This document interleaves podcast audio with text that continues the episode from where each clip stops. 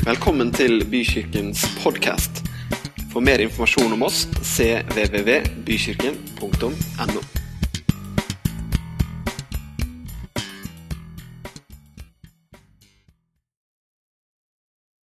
Livene våre de inneholder så mange ting. Og kanskje tenker man når man er i en sammenheng på jobben eller her, eller mennesker man møter, at 'jeg er den eneste som har opplevd noe', eller eh, 'det er jeg som sliter', eller ah, 'det ser ut som alle de andre har det så bra'. Trenger ikke å rekke opp hånda, men jeg tror vi er mange som liksom tenker noen ganger at vi er litt sånn alene i våre utfordringer. Men vet du hva? Min erfaring er at når du snakker litt grann forbi vær og vind med hvert eneste menneske, så er landskapet kupert. Motbakker, medbak, eh, eh, nedoverbakker, motstand, medgang.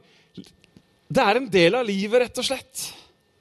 Og det fantastiske er jo at selv om livet er sånn, så er det fantastisk at det finnes en Gud som bryr seg om oss.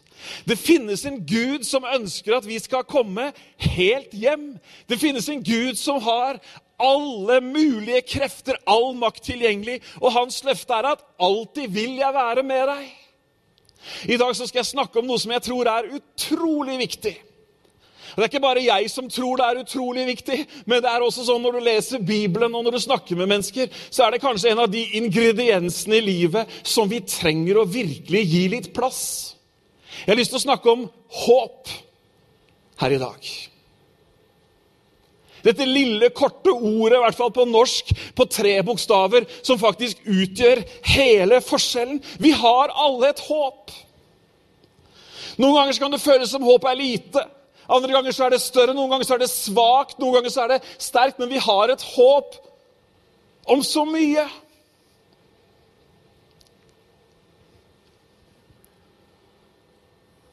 Vi har meldt oss opp til en eksamen, og så håper vi at det skal gå bra. Eller litt mer alvorlig, vi har vært til en undersøkelse på sykehuset, og vi venter på svar, og vi håper at det skal være et svar som sier at det er håp. Jeg har et håp om at det skal gå bra. Kanskje du er i en situasjon akkurat nå hvor du har et håp av en eller annen størrelse om hvordan et utkomme av en eller annen situasjon skal bli. Under den andre verdenskrig så ble Winston Churchill stilt et spørsmål. Hvilken taktikk skal dere bruke? Hvordan skal dere vinne over Nazi-Tyskland og Hitlers krigsmaskin? Hvordan skal dere klare dette her? Og så sier Winston Churchill vi skal vinne med det som alltid har vært Englands mektigste våpen håpet. Det er nemlig sånn at Håpet det styrker moralen, håpet det påvirker selvbildet vårt. Håpet det gir ny energi, det gir nye krefter. Det gjør at vi tar en runde til når vi trodde at vi egentlig hadde løpt den siste runden. Det var En som gjorde undersøkelser en gang blant en gruppe mennesker som hadde vært utsatt for ekstrem påkjenning.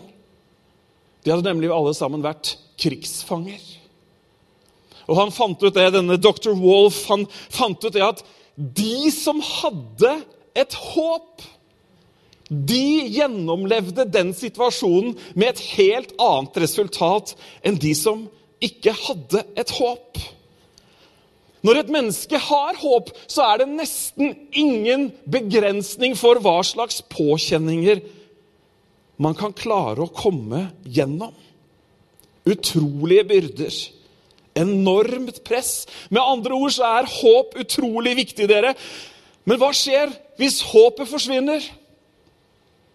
Da faller vi sammen.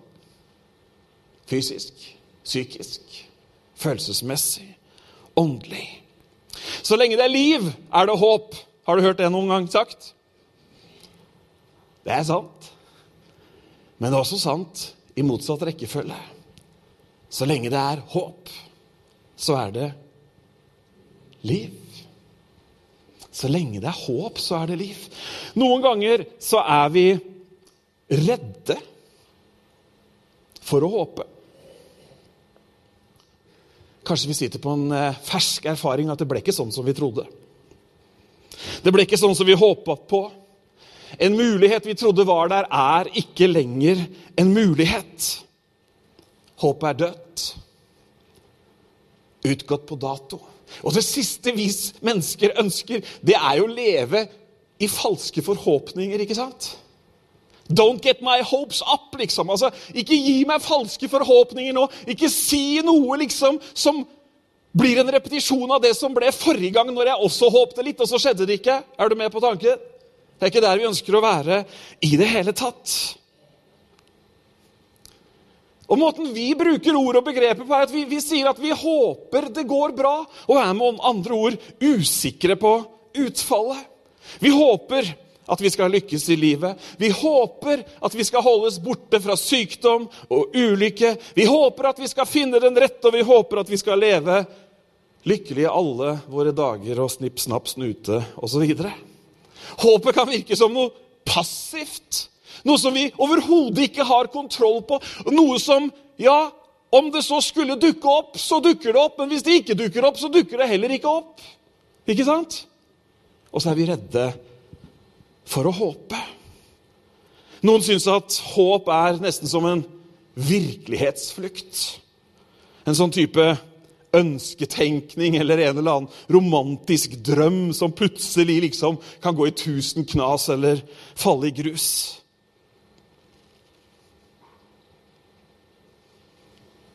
Vi håper litt. Vi håper sterkt. Vi mister håpet. Og håpet kan tennes på nytt. Er det håp? Kom igjen, folkens. Det er et ledende spørsmål. Jeg sier, er det håp? Ja, Det var ikke mye overbevisende. Jeg tar det en gang til. Er det håp? Ja da, Evangeliesenteret de har skjønt det. De sier at ennå er det håp. Har de allerede liksom utgitt en trykksak på, og sikkert masse andre greier også. Ja, det er nemlig håp! Og det er jo det som er så fantastisk. Nå har vi akkurat snakka om det, Churchill og Wolf og andre, og vi vet hvor, hvor vanvittig mye det betyr rent sånn medisinsk, faktisk, det å ha håp Jeg leste en interessant artikkel for noen måneder siden. og Det var ikke i forhold til tro og håp og kjærlighet, i det hele tatt, men det var rett og slett i somatisk behandling av sykdom så var det viktig hvordan legene ordla seg for å holde et håp levende. Kanskje i en veldig alvorlig situasjon så var det allikevel viktig, skrev denne, nå husker jeg ikke navnet på denne legen, men skrev hvor viktig det var å gi informasjon på en sånn måte at liksom ikke alt håp ble tatt borte, men at det faktisk var lyspunkter å se fram imot. Så håp, det er kjempeviktig. Vet du hva? Gud snakker masse om håp. Ja, nå ble du vel ikke overraska i det hele tatt. Men Gud han snakker utrolig mye om håp.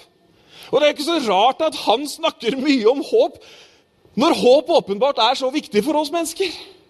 Bibelen er full av bibelvers om håp. Bibelen er full av historier om mennesker som til tross for helt ufattelige motstandssituasjoner og utfordrende ting bevarte håpet. Han vet hvor viktig håpet er. Han vet hvordan det preger livet vårt. Han vet hvordan livet vårt er uten håp. Og han vet hvordan livet er med håp. Og Bibelen den er faktisk full av noen helt fantastiske fakta om håp. Og det er det jeg har tenkt å dele med deg i dag. Vil du ha noen fakta om håp? Vil du være med på en sånn liten reise fra at vi håper at noe skjer, til at vi liksom skal få litt mer sånn ankerfeste for håpet? Er du med på den? For du skjønner at Det bibelske håpet det er litt annerledes enn den derre 'vi håper det går bra og leverer inn lottokupongen, og så kan det hende det slår til'. Det bibelske håpet er noe helt annet enn det som vi ofte forstår som noe passivt, som kanskje inntreffer en gang. For det første Du vet det vanlige håpet sånn skjer, skjer ikke, vi vet ikke utfallet osv. Men det første jeg har lyst til å si, er at det, bibelske håpet, det håpet Gud snakker om, det har en klar og tydelig avsender. Det bibelske håpet handler om en som har noe som han gir. Han heter Gud. Det han gir, det er håp. Derfor så sier Bibelen i Jeremia 29, 11, og det kan hende det til og med er på veggen der var det 'For jeg vet', sier Gud. Gud er ikke i tvil om håpet. 'Jeg vet hvilke tanker jeg har om dere.' Tanker til framtid og ah, Det bibelske håpet har en avsender. En som gir håp, ikke en som bare påvirker om det kanskje skjer et eller annet karma, eller hva det heter, som liksom slår til. Nei, Gud vet hvilke tanker han har. Tankene hans, det er framtid, og det er håp. Og vi sa amen. Er ikke det fint? Vi trenger ikke å lure på om det er et håp som kanskje dukker opp, men det er faktisk en som gir håpet. For det andre så er det bibelske håpet annerledes også enn disse andre håpene som vi har snakka litt om. Fordi at det, det, bibelske håpet, det er veldig tydelig at det har noe i seg som dreier seg om en aktiv handling fra vår side. Hæ?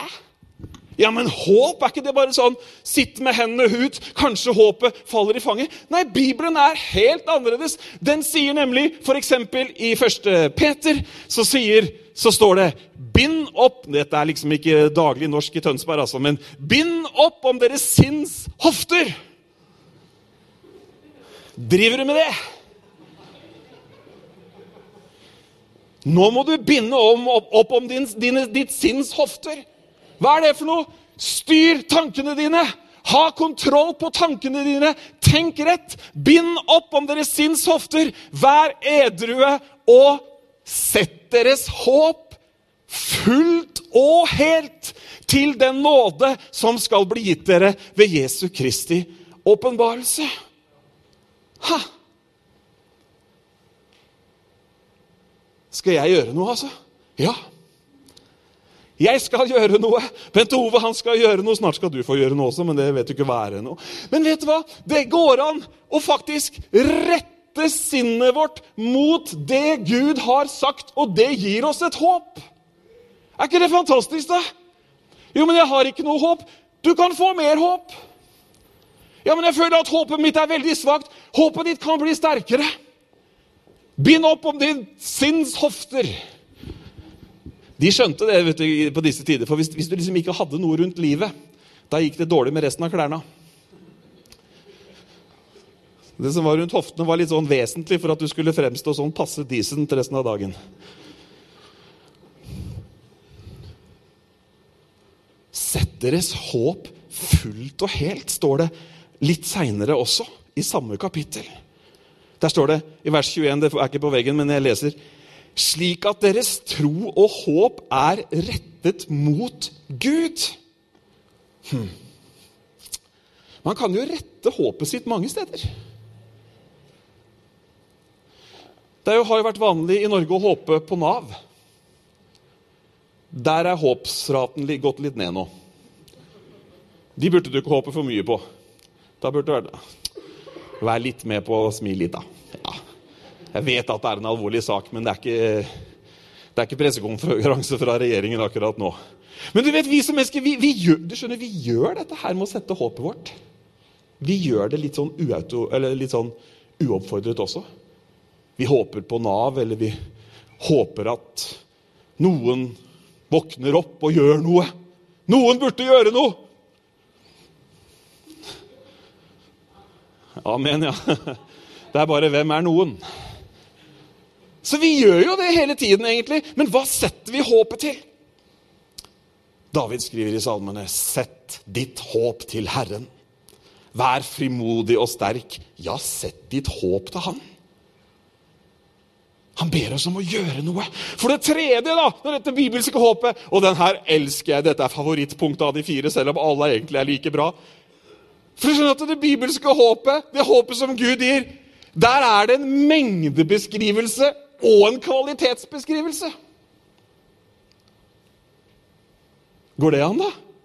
Ja, men Skal vi ikke være salige i vårt lille, svake håp, som kanskje slår til den dagen vi ligger for døden?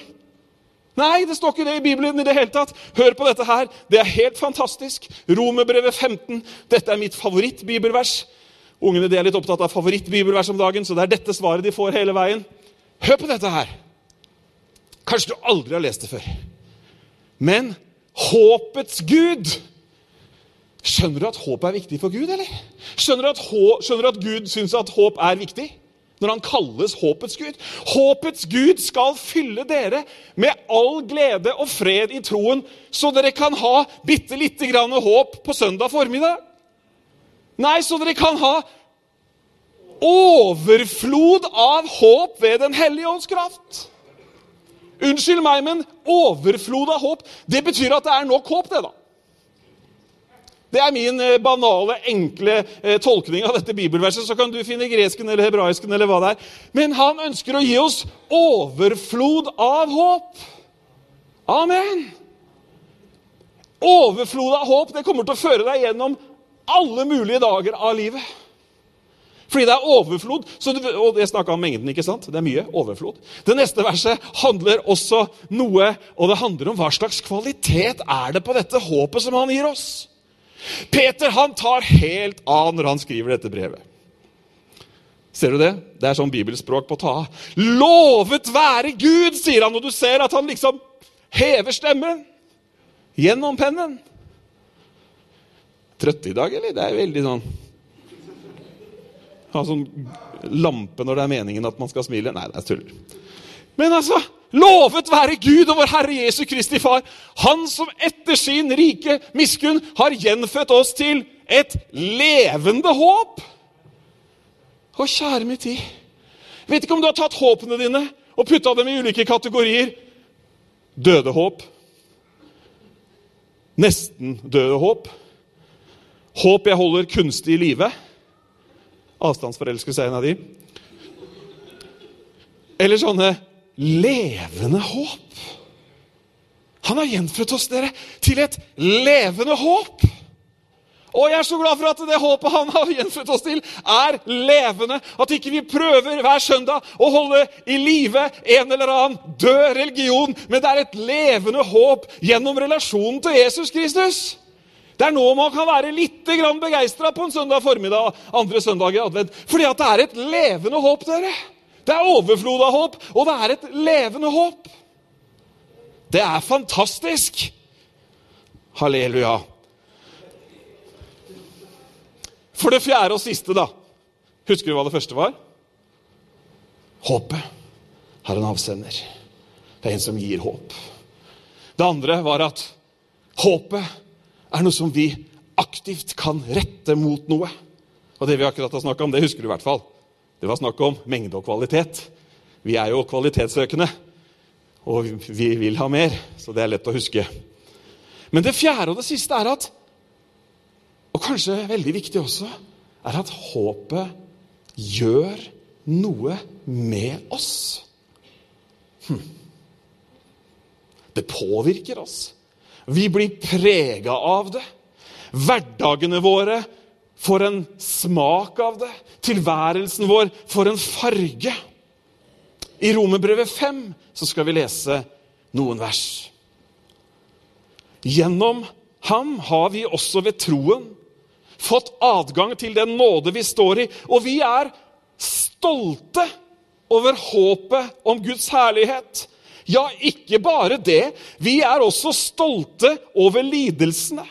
For vi vet at lidelsen gir utholdenhet. Utholdenheten et prøvet sinn, og det prøvede sinn håp. Og håpet skuffer ikke. For Guds kjærlighet er utøst i våre hjerter ved Den hellige ånd. Håpet gjør noe med oss. Nå skal jeg få litt hjelp av Augustin og Andreas. Skal vi se. For det som er litt vesentlig, det er jo hvordan får vi dette håpet?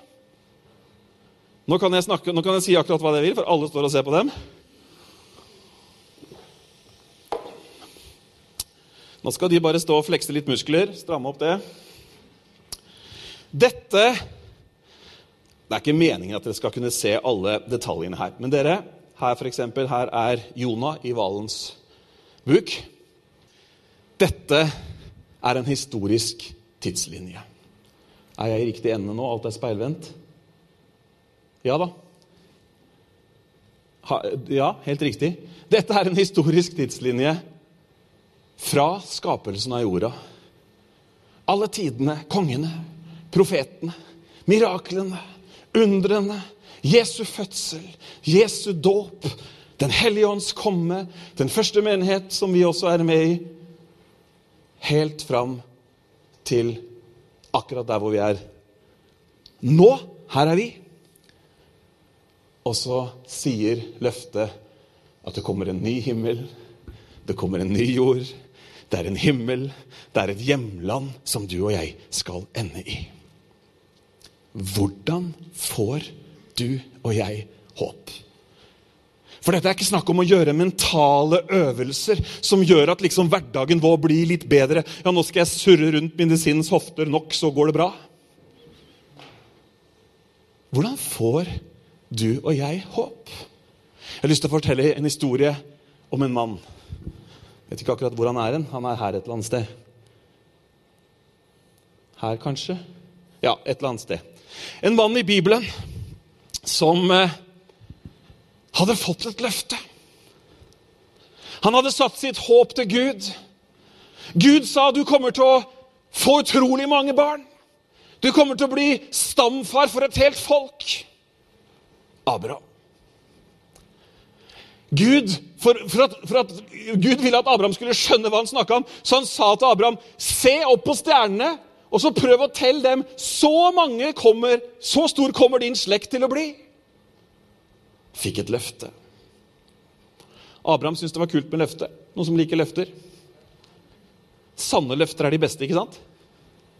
Tomme løfter trenger vi ikke, men sanne løfter. Abraham fikk et løfte. Og Det var ikke bare stjerner på himmelen, det var, sand, det var sandkornene på stranden. Og det var, det var voldsomt hva dette her skulle bli. Problemet var bare at den andre delen av den avtalen, eller den andre parten som skulle være med på å utføre den avtalen, altså kona til Abraham, Sara Snakk om håp som er gått ut på dato.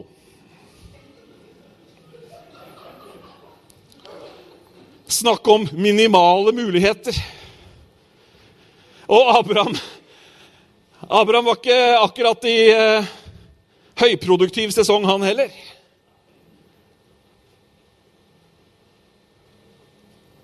Så står det noe i Bibelen om Abraham. Romerne fire.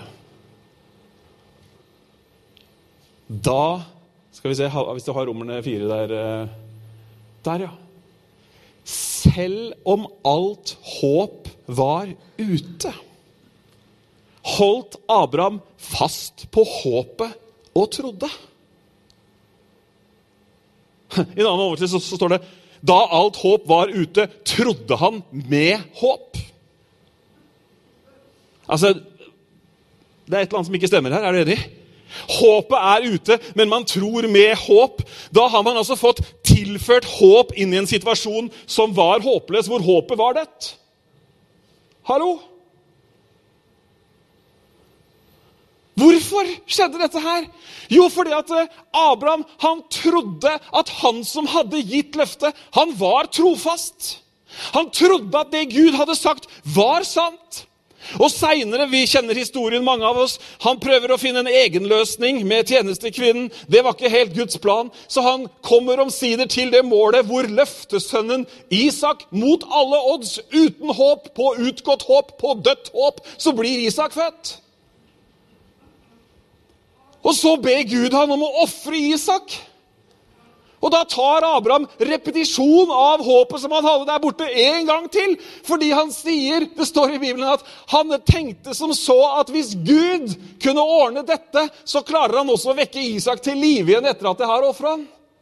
Vi skal ikke ta mer bibelhistorie nå, for nå så jeg at noen ble trøtte. Men skjønner du tanken her? Hva, hvordan får du og jeg håp? Hvordan fikk Abraham håp? Abraham fikk håp fordi at han stolte på det Gud hadde sagt. Han skjønte det Han skjønte det når han så stjernene. Har du vært på fjellet uten eh, forstyrrende gatelys og sett stjernehimmelen? Har du sett enden på stjernehimmelen? Nei, det gjorde nemlig Abraham, for det var dårlig med LED-belysning på den tiden. Så han så at dette her er svært. Dette her er større enn meg. Her er det noen som overgår meg fullstendig. Jeg setter min, mitt håp til han. Da alt håp var ute, trodde han med håp at han skulle bli far til mange, osv. Hør her, kjære deg. Jeg tror at du og jeg får håp ved at vi tar vår lille fortelling, vårt lille liv. For det er lite når du ser på alle disse tusen årene med historie. Når vi tar vårt liv, og så setter vi det inn i en historie som er så mye større om oss. En historie om at det finnes en som er bak. En historie om en som skapte deg. En som ville at du skulle være i live akkurat nå. Og nå er det noen her i salen som jeg har gjort en avtale med på forhånd. De kan komme, og så kan de Hvis Gunnar, hvis du gir meg den koppen som står der Og hvis det er flere som vil, så kan dere få lov til å gjøre en litt sånn symbolsk handling, kanskje. Men dere kan ta deres liv, et sånt hjerte, og så kan man få lov til å sette det inn. Han som sa til Abraham her at 'jeg svikter ikke', 'jeg er trofast'. Han har sagt det samme til Moses. Han sa det til Jonah. Han sa det til profetene.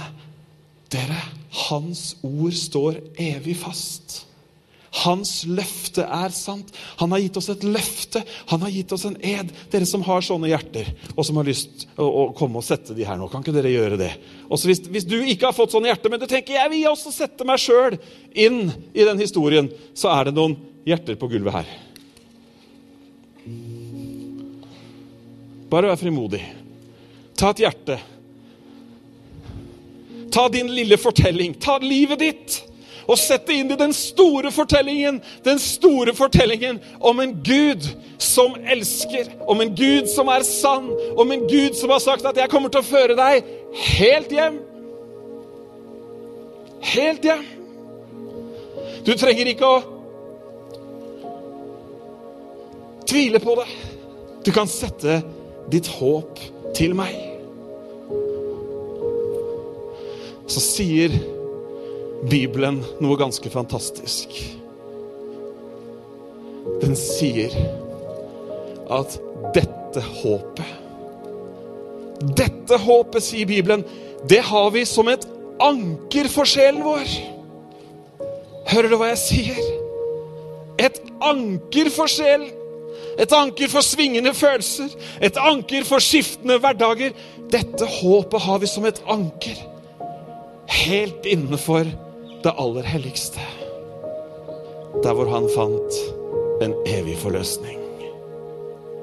Er det ikke fantastisk? Vi skal synge en siste sang. Men før vi gjør det, så har jeg lyst til at vi bare skal bøye hodene våre, eller i alle fall lukke øynene.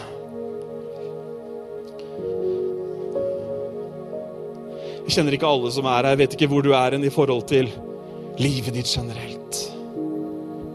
Men jeg har lyst til å invitere deg til å sette ditt håp til Gud. Til å gi Til å legge ditt liv inn i den store historien. Og kjenne at du får et håp som ikke du har funnet opp sjøl. Nei, det kommer fra Han. Du får et håp som ikke er bitte lite grann, men som er sterkt, som er levende, og et håp som gjør noe med deg. Hvis du ønsker å sette ditt håp til Han, uansett hvor du er hen, kan ikke du bare gi meg et lite tegn med hånda, så skal vi be sammen før vi synger sang. Gud velsigne dere mange. Å Herre, overflod av håp. Nytt håp. For du er trofast. Det du har sagt, det står du ved. Med ed og med løfte har du gjort det fast. Kjære far, jeg takker og jeg priser deg for hver eneste en. Herre, jeg ber om overflod av håp ved Den hellige ånds kraft. Herre, jeg takker deg for at du gir et levende håp, Herre, som gjør at ikke vi flykter fra hverdagen, men som gjør at vi klarer å gå gjennom hverdagen fordi at håpet, det bærer oss. Å, vi takker deg. Vi priser deg, og vi ærer deg, og vi lover ditt mektige navn. Amen.